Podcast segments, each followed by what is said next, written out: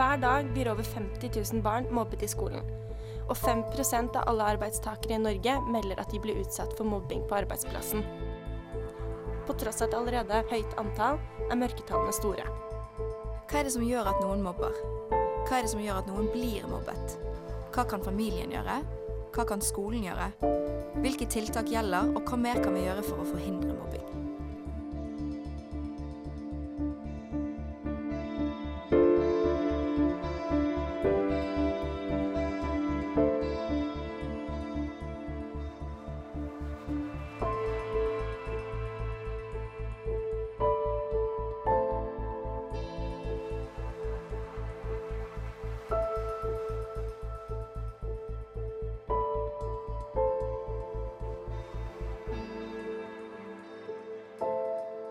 Velkommen til Pøbelveldet.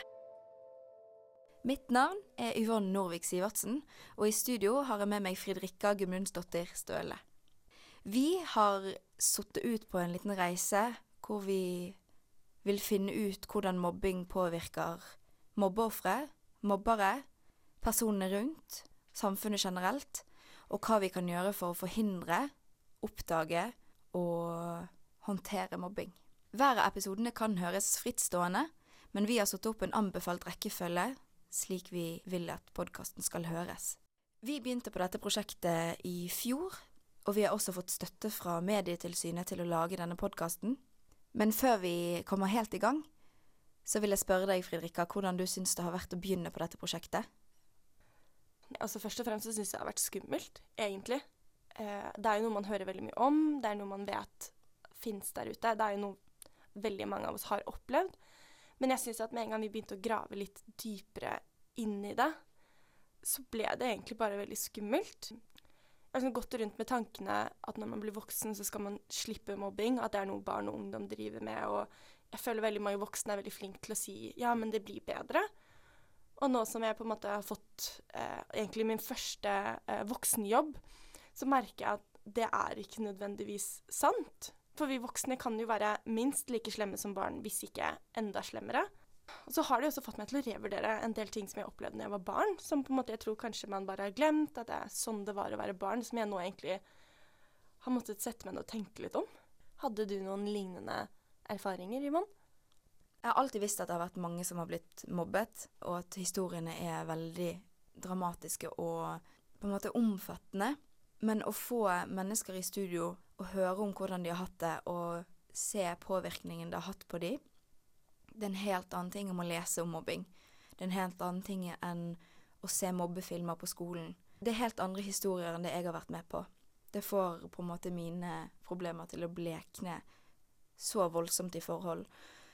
Så det har vært litt vanskelig å ta det inn over seg at det finnes mennesker som har blitt utsatt for grov mobbing. Men desto viktigere tror jeg det er at vi tar tak i det, og at det snakkes om, og at det ikke glemmes. Så um, Nei, det har vært helt annerledes enn jeg trodde det skulle bli når jeg satt ut til å gjøre dette her. Så har det vært veldig fint å ta en titt bak statistikken. Vi vet jo at det er altså 50 000 barn som blir mobbet i skolen. Men det er veldig sjelden man hører én og én historie, da. Man vet jo at det er fryktelig når det er 50 000, men det blir noe annet når man faktisk får altså, høre hvordan det har vært for de som har opplevd det her. Absolutt.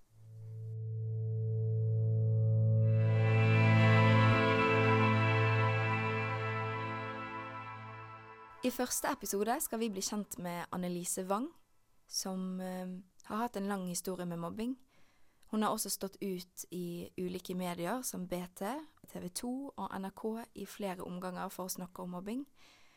Og hennes historie begynner lenge før skolen, og vi skal høre om hennes oppvekst og hvordan mobbingen påvirket hun og familien rundt, og hennes valg innenfor utdanning og livet videre. Historien hennes er dessverre ikke unik, men Annelise forteller det på en unik, lærerik og engasjerende måte, og det virker som at hun har tatt kontroll over situasjonen og gjort det absolutt beste ut av det. Denne episoden er såpass lang og omfattende at vi har valgt å dele den opp i to deler. Du hører nå på del én.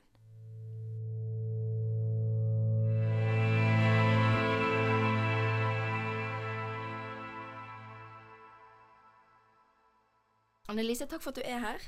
Jo, bare hyggelig. Vi er jo her i dag for å snakke om eh, mobbingen du har opplevd, men bare sånn kort om deg. Hvem er du? Per nå så er jeg 33. Jeg føler meg litt yngre, men det får nå bare være. Utdannet lektor.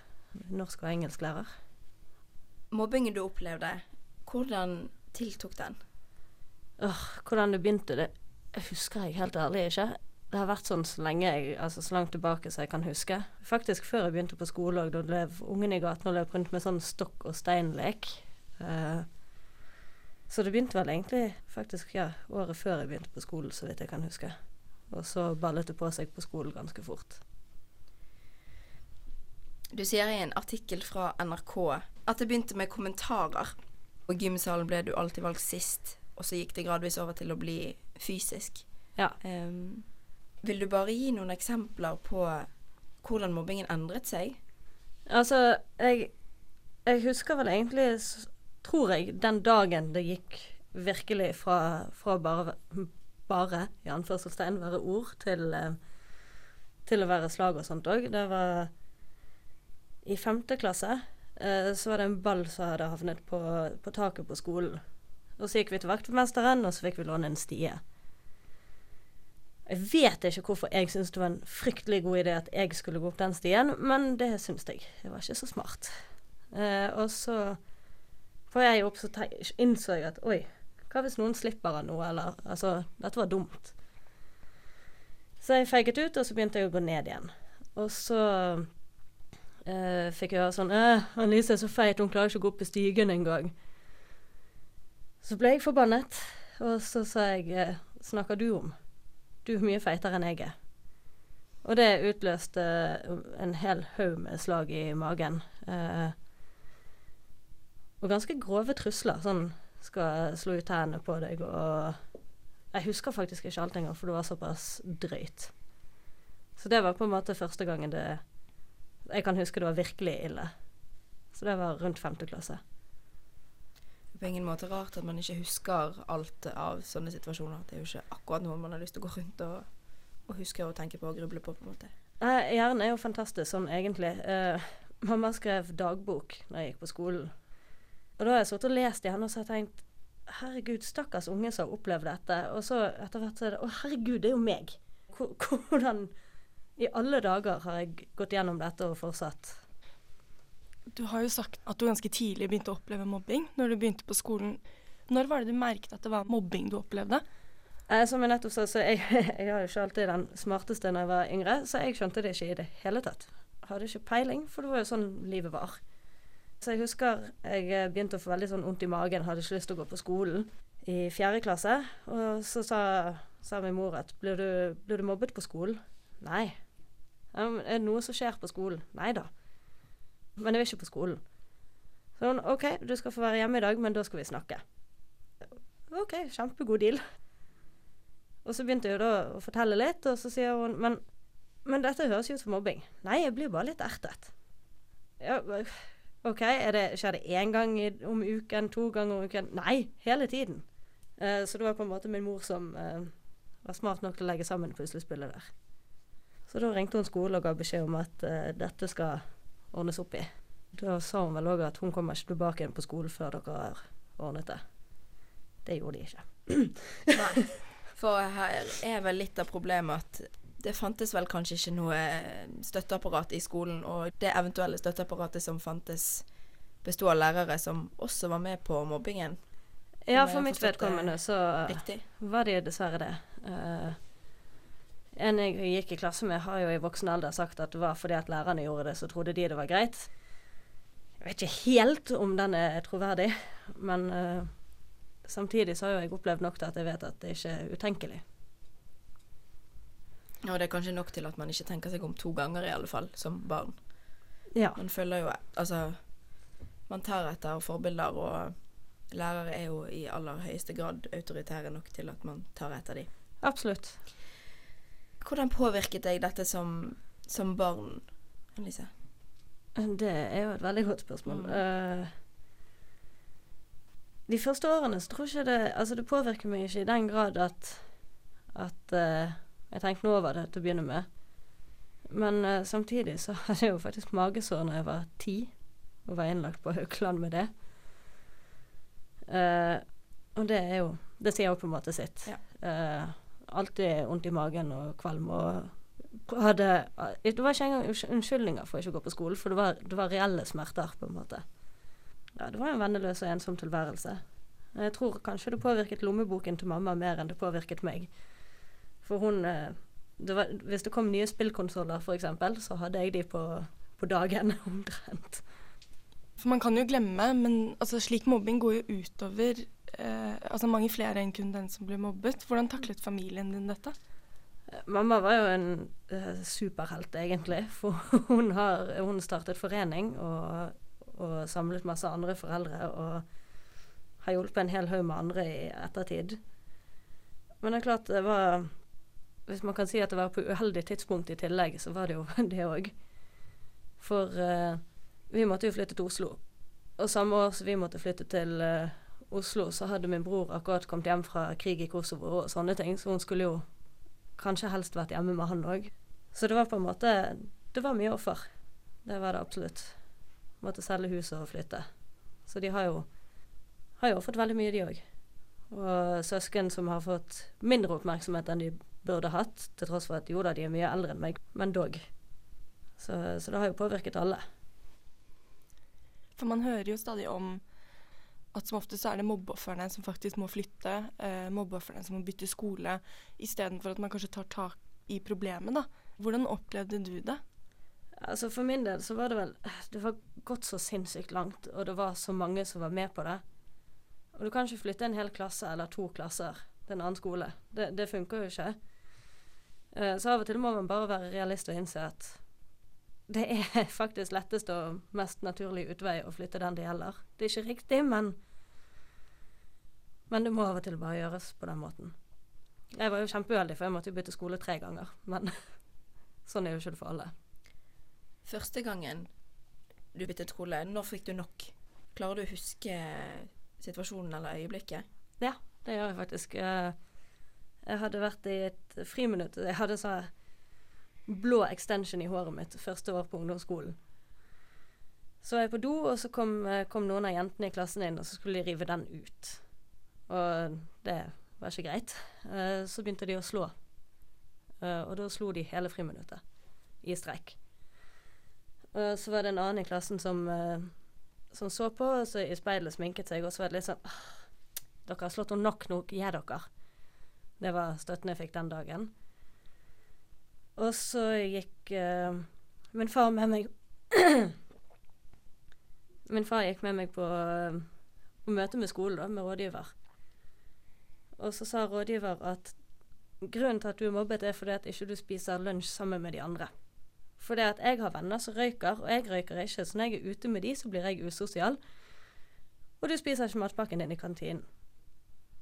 Så vi forlot det møtet, og så sa min far at her går du fanken ikke tilbake. Ferdig arbeid. Og det var, det var første dråpen. Ja. Det er ikke utenkelig at man kunne gjort det, samme som forelder. Syns det høres ut som en, en meget svak konfliktforhandling her. Ja, vi hadde en sånn elevmekling òg. Uh, og da, da var det bare for å gjøre det helt klart, det skal aldri være elevmekling i mobbesak, for det er ikke en konflikt. Bare sånn at det er 100 klart for evig og alltid. Men der var det i hvert fall det. Og da satt på ene siden av bordet så satt rådgiver og to av mobberne. På andre siden av bordet satt jeg. Og da har du kjempevektforskjell allerede der. Oh. Og så endte jeg med det er ikke, det er ikke over ennå. For da spurte han hvorfor mobber dere henne. Nei, det er jo fordi hun aldri sier hei til oss på bussen. Annelise, da begynner du å si hei til de når de kommer på bussen, og så slutter de å mobbe deg. Sånn, da kan vi gå tilbake igjen til timen. Altså, lette løsninger. ja.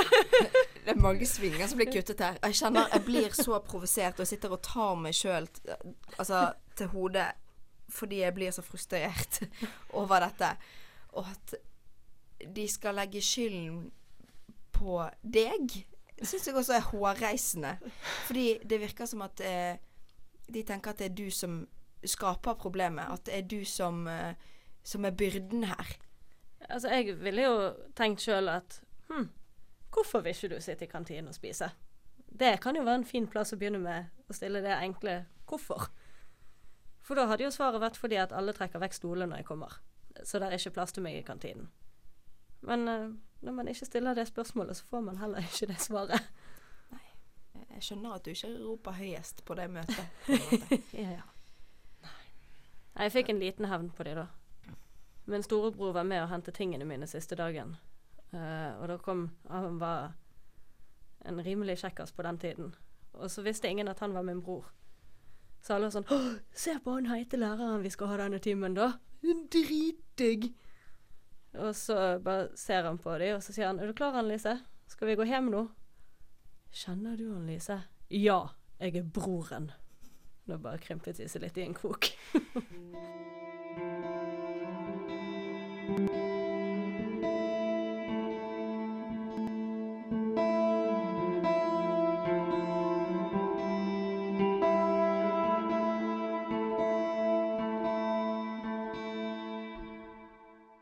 Det er helt sløkket at jeg sitter og ler av det i dag, men hva skal man gjøre? Ja, det, men altså, det blir jo så absurd at Ja, men nå når man ser tilbake på det, eh, så, så på en måte blir det bare så vilt og bare Jeg tror løsningen her er at du bare spiser i kantina. Nei, det, jeg skal innrømme at den lo jeg òg av selv den gangen. Eh, for det var så tåpelig, dustete idiotisk at eh, Det går ikke. Jeg var mørbanket og så bare Klart jeg skal spise i kantinen! Da blir alt bra. alt blir perfekt, da. Ja, ja. ja. Jeg har ikke hørt om den magiske kantineløsningen, altså. Det er helt nytt.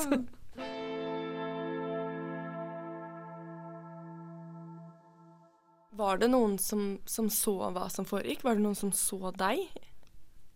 Ja, det var jo for så vidt Altså, jeg fikk jo faktisk telefon fra en i klassen blant annet en gang. Og da sa hun 'jeg har gått til læreren og sagt alt'. Og så avsluttet hun med 'unnskyld, det var ikke med vilje' at hun hadde sagt fra. Og det sier på en måte litt om frykten som var i det miljøet den gangen. Hun var livredd for at hun hadde gjort livet verre for meg med å si fra. Uh, så kulturen var jo rimelig pillråtten. Ja, for da var frykten hennes på en måte at mobberne skulle finne ut av det. Ja, og at det da skulle bli verre. Ja, gi det med helvete, liksom. Mm. Var det noen voksne som så deg? Jeg tror nok på, på Hvis rett skal være rett på ungdomsskolen, så tror jeg nok de så det. Men uh, de sa vel òg at det er gått for langt, vi vet ikke hva vi skal gjøre. Uh, på barneskolen så vet jeg at de så det, men det var fornektelsens land, for det var ikke mobbing på den skolen. Jeg må nok si at det er noe jeg føler går igjen, da. At det er rektorer eller lærere som bestemmer seg for at her på denne skolen er det ikke mobbing. Eh, eh, men da samtidig velger de også å på en måte altså snu ryggen til altså de som eventuelt blir mobbet. Altså det er jo en veldig dårlig Ja, jeg vet ikke. Hvis man velger å snu ryggen til det, så skaper man også et miljø hvor det er lett å mobbe. Ja, og det virker som at eh, det kan være mange skoler som tenker at nei, litt svinn må man jo liksom ha. at det blir sånn Ja, men noen kan bli mobbet under radaren, og så bare sier vi at det ikke fins noe mobbing. Vi klarer å, å bare nedtrykke det litt. Men også spesielt på den, jeg håper å si, den tiden, og det begynner å bli noen år siden Mm. nå etter hvert. Fantes det noe støtteapparat på skolene? Eller noe konfliktråd? Altså ingen Ikke en konflikt. Men eh, noen man kunne gå til en helsesøster Siden du sier at de, de visste ikke hva de skulle gjøre. Ja, det var på ungdomsskolen. Ja. Men Men kontra til i dag, da ser du noen store forskjeller? Siden du nå er altså, nå lærer er det, ja, men nå er det litt vrient, da, for jeg var ikke lærer den gangen. Ja. Uh, så jeg vet jo ikke hvordan innsiden var da. Men, men jeg ser jo fortsatt i dag at det der er mange skoler som har den holdningen at her er det ikke mobbing. Og i det sekundet jeg hører en skole si det, så går den automatisk på listen over skoler jeg aldri ville søkt jobb på. For jeg, jeg tror ikke det. Jeg tror ikke det finnes en eneste skole der det ikke er mobbing av noe slag i det hele tatt. Det tror jeg er umulig. Jeg tror det er skoler der det er lite mobbing, og jeg tror det er skoler der de tar tak i mobbing med en gang, og jeg tror det er skoler som gjør mye. Men at det finnes mobbefrie skoler, jeg er skeptisk. Vi er slemme. Mennesker er slemme. Vi ser nå bare på på bloggerdebattene som har vært nå, f.eks. og sånt. Altså, uansett hva side man står på det, så det er mye slemme kommentarer som kommer frem og tilbake. Og sånn er det bare, dessverre. Mm. Så å si at denne skolen har ikke mobbing, det vil jeg hevde er løgn, og jeg vil gjerne se beviser hvis det ikke. Og å si at man skal ha et mobbefritt samfunn, det er, tror jeg er utopi. Ja. Dessverre. Du er jo nå eh, altså selv blitt lærer. Mener du at du altså fikk den opplæringen eller de verktøyene gjennom studiet for å kunne takle mobbing? Nei, jeg var blant det kullet på høyskolen der de hadde Det var protester fordi at det var ikke fokus på det i undervisningen. Men så er det verktøyene. Det varierer òg litt på, fra skole til skole hva verktøy man bruker. Eh, for hver skole har på en måte sin oppskrift, sin bruksanvisning. Nå har vel det begynt å endre seg litt. eh, der alle skal ha felles. Og så kan man jo diskutere er det, er det så bra, da, hvis en skole har et innarbeidet system som fungerer. Hvorfor bytte på det? Men eh, det, er, det er vrient, også som lærer, for all del. Eh, man kan ikke trylle. Men jeg tror det viktigste man gjør, er å innrømme at man ser. For da er man allerede et godt steg på vei. Hvis man kan gå til noen og si at 'Vet du hva, jeg så hva som skjedde. Jeg skal gjøre alt jeg kan for å hjelpe deg'. Da tror jeg man har gjort mye. Og det er, tror jeg er det viktigste verktøyet man har. Det er øynene. Se og høre, ikke minst. Være den personen for et barn som kan være trygg, da. Vi har jo alle eksempler på den ene læreren eller den ene autoritetspersonen. Eller ikke alle, kanskje. Hermetegn. Ofte i sånne historier så har man liksom en som man Mm. har kunnet gå til. Og det må jo på en måte være, om ikke drømmescenarioet, så et bedre scenario enn å ikke ha noen i det hele tatt. Absolutt. Det hjelper godt på. For det er jo dessverre slik eh, eh, at det fortsatt pågår en debatt da, om hvor mye eh, lærerstudenter eh, her på høyskolen og, og på andre eh, altså læringsinstitusjoner i Norge, hvor mye de lærer om mobbing. Mm. Og det har jo har bl.a. blitt slått eh, faktisk alarm her i Bergen av noen lærerstudenter som mener at de faktisk ikke får noe opplæring i det her, og, i, og at eh, den lille opplæringen de får er begrenset til jeg tror det er to seminarer i løpet av hele studiet. Ja, det kom såpass mye nå, ja. Ja, Som er jo, er jo faktisk fantastisk lite, med tanke Ja. på at man skal inn og faktisk være en av de voksenpersonene som tilbringer altså, mest tid med disse barna. Men samtidig, altså Ikke for å ta høyskolen veldig mye forsvar der, for det at jeg er enig i at det må være mer fokus på det. Men det er så mye annet òg som du kommer ut og så opplever du så sinnssykt mye som du ikke hadde forutsetning for å kunne klare å håndtere. For det er så mange store hull i, i den faktiske skolehverdagen på en måte i studiene det, det, som ikke blir dekket. Så vi savnet f.eks. òg Hva gjør du hvis du har barn som blir utsatt for ting hjemme osv. Så, det, så det er hull i sånne ting òg. Så, så det er ikke på en måte lett for høyskole å sette det sammen. Men det er klart at det bør være mer. Egentlig om ganske mye. For det er jo en veldig omfattende stilling, det å være lærer. Det tror jeg kanskje ikke alle, alle tenker over, men du er jo faktisk den personen som tilbringer mest tid med barnet. Mm. Og det er jo du som blir ekstremt godt kjent med barnet, og altså forhåpentligvis kan slå alarm hvis det er ting som skjer hjemme, om det er ting som skjer på skolen. Så det er jo så fantastisk viktig at man faktisk etter endt studie har alle disse verktøyene for å kunne se hvert eneste barn.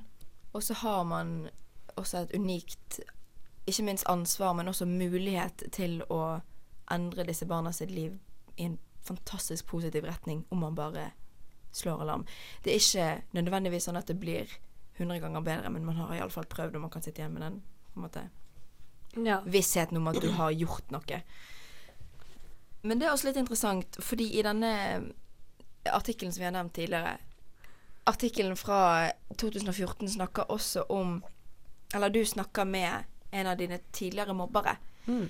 Um, og jeg syns det er kjempeinteressant i den artikkelen at hun sier at hun ikke skjønner på et tidspunkt hun mobber deg, at hun mobber deg. Hvordan, hvordan kan du sitte i den samtalen med hun og få høre at hun ikke visste at hun mobbet deg når du ble banket opp og ble psykisk trakassert på skolen? Hvordan kan du tillate at hun tenker at hun ikke visste? Kan du det? Tja, altså jeg, jeg tenker for det første så var mye av det jeg tenkte når jeg satt i det intervjuet med henne, at fy flate så steintøff hun er. Eh, for det å stå frem som mobbeoffer, det er ganske enkelt. Men det å stå frem som skoledrittsekken, det, det krever mot, altså. Så sinnssyke mengder av det òg. Men jeg tror På en måte så tror jeg at Nei, man var ikke klar over det. Ikke alle. Noen var selvfølgelig veldig klar over hva de gjorde. Det er kanskje lettvint å si at jeg ikke visste, men samtidig så skal hun ha for at hun var den første som, som sa unnskyld, og det var på en svært lang melding, og han var ekte og oppriktig og Hun hadde ikke lett på skole, hun heller. Og derfor så, så var det faktisk veldig lett å tilgi. Jeg kommer aldri til å glemme det, men det var lett å tilgi. Tror du hun har hatt det verre i etterkant enn det du har? Det er vanskelig å svare på, altså. Eh, jeg tror vi har hatt på mange måter en felles skjebne, men ja. Nei, men jeg bare syns det er jeg si, det er en interessant debatt om hvem som har hatt det verst. Det blir jo på en måte feil å si det sånn, men hvem som hvem, hvem sliter mest med samvittigheten, på en måte? Altså, det blir jo Samvittigheten, hvis du snakker kun om det, så blir jo det mobberen ofte. Absolutt. Eh, Um, Og jeg tenker at eh, det er jo en av grunnene til at man må bekjempe mobbing. Er òg at For at Altså, tenk på hun som da gikk ut i media med det. Offentlig foran hele Norge og sa 'Jeg har gjort dette'. Altså, da tenker jeg da har du hatt så vondt inni deg i så mange år, da. For at du gjør det. For at du finner ut at det er måten jeg kan betale tilbake på. Og da skylder man de som mobber at man faktisk tar tak tidligere, sånn at de slipper å gå i 20 år. Og i hennes tilfelle så endte jo det bra. Jeg eh, er jo her i dag. Men alle de som tar livet av seg, så skal du sitte igjen med følelsen av at holy shit, det jeg gjorde når jeg var en drittunge, førte faktisk til at den personen ikke er mer. Vi kan ikke la noen gå gjennom det.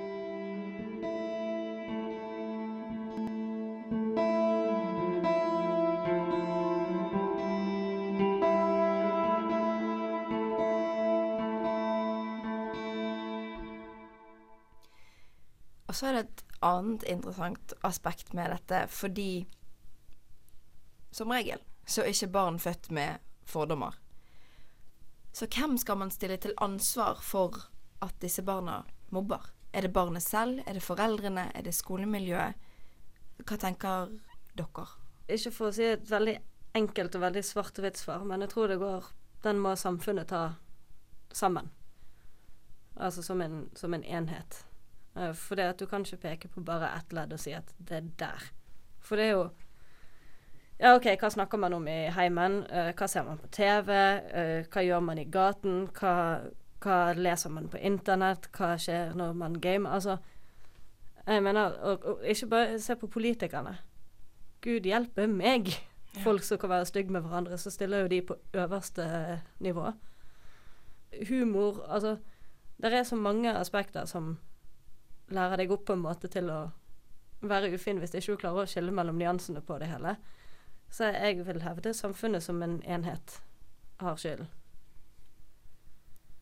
Det er jo veldig mye som er med på å forme et barn. Um, så, og jeg tror at man kan se på en måte at nå når vi er tilkobla internett, altså 24-7, alle har tilgang til en mobil, en datamaskin, at det også kan bli litt grovere. For nå ser vi jo annet sånne apper da, hvor man kan være anonym. Uh, man kan sende inn altså spørsmål. Da. Jeg, tror det er egentlig ment for å sende inn spørsmål. Men hvor man ser på en måte uh, at unge mennesker grovt altså sjikanerer hverandre. da. Og jeg tenker har man vokst opp med at dette her er litt naturlig, og at man ser det på TV, man ser det på media Altså, man ser også Jeg tror også hvordan foreldre snakker om kollegaer, eller bare andre i nabolaget. At alt dette her er kanskje med på å gjøre samfunnet litt skarpere, da, eller litt slemmere, kanskje.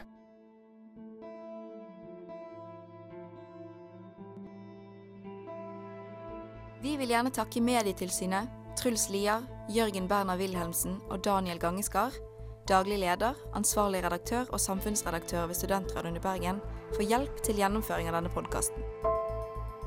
Jørn Lavoll har komponert musikken, og i studio hørte du Yvonne Nordvik Sivertsen og Fridrikka Gudmundsdatter Støle.